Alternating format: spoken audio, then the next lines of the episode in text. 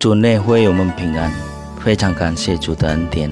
我们今天能再度参与读经运动反思。读经运动反思之前，请阅读本日读经运动的经文和请阅读本日读经运动的短诗。亲爱的弟兄姐妹们，平安！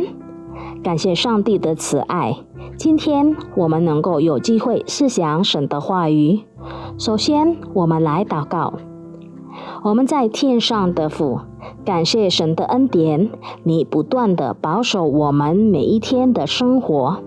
今天我们又有机会思想你的话语，我们把接下来的时间都交给你手中，恳求圣灵带领我们，能够明白你的真道。奉主耶稣基督的圣名，我们祈求祷告，阿门。各位弟兄姐妹们。我们今天读经运动反思的主题是回家乡建造。经文来自于历代至上第九章。我带弟兄姐妹们念第二十二到三十节。经文这么说：被选手们的人共有二百一十二名，他们在自己的村庄按着家谱计算。是大卫和先见萨姆尔所派当这紧要责任的。他们和他们的子孙按着班次看守耶和华殿的门，就是会幕的门，在东西南北四方都有守门的。他们的主弟兄住在村庄，每七日来与他们换班。这四个门铃都是立位人。各有紧要的责任，看守神殿的仓库。他们住在神殿的四围，是因委托他们守殿，要为每日早晨开门。立位人中有管理使用器皿的，按着数目拿出拿入；又有人管理器具和圣所的器皿，并细面、酒、油、乳香。香料，祭祀中有人用香料做膏油。经文念到此，主内的弟兄姐妹们，这两年来，世界面对了疫情，疫情带给各个人很深的负面影响。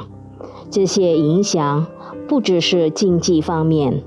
还有其中很深的影响，就是许多住在国外的印尼人不能够回国看他们的父母或家人。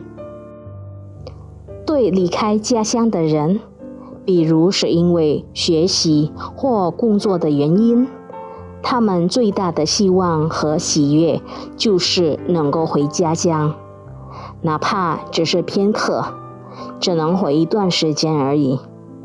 当波斯王居鲁士释放以色列人回到他们有大地的家乡，并重建殿宇时，他们也感受到这种希望和喜悦。刚回到犹大地的被掳后的一代，必须记住他们的祖先对上帝不忠，因此他们因所犯的罪而被上帝惩罚。被放逐到巴比伦地。此外，历代志的作者对被掳归来的人进行了人口登记，其中有以色列人、祭司、立位人和圣殿里的工人，目的是为了证明他们与以前几章提到的家谱的关系。并充足他们的社会生活和宗教崇拜，这样他们作为上帝选民的身份和尊严将得到恢复，并作为上帝应许的继承人得到强烈的认可。在被掳后，祭司和立位人的角色非常重要，因为他们的角色无可替代。祭司和立位人的职责是在圣殿内外要带领上帝的子民复兴，教导上帝的律法，提供建议和责备等。以色列人已在不忠，一直上帝惩罚了他们。然而，上帝并不永远丢弃他们，上帝将复兴那悔改的子民。亲爱的弟兄姐妹们，我们是不是和以色列人一样，对上帝犯了罪，也应该被上帝惩罚？但是他不仅不惩罚我们。他还来到世界上寻找我们，而为我们定死，洗净我们一切的过犯。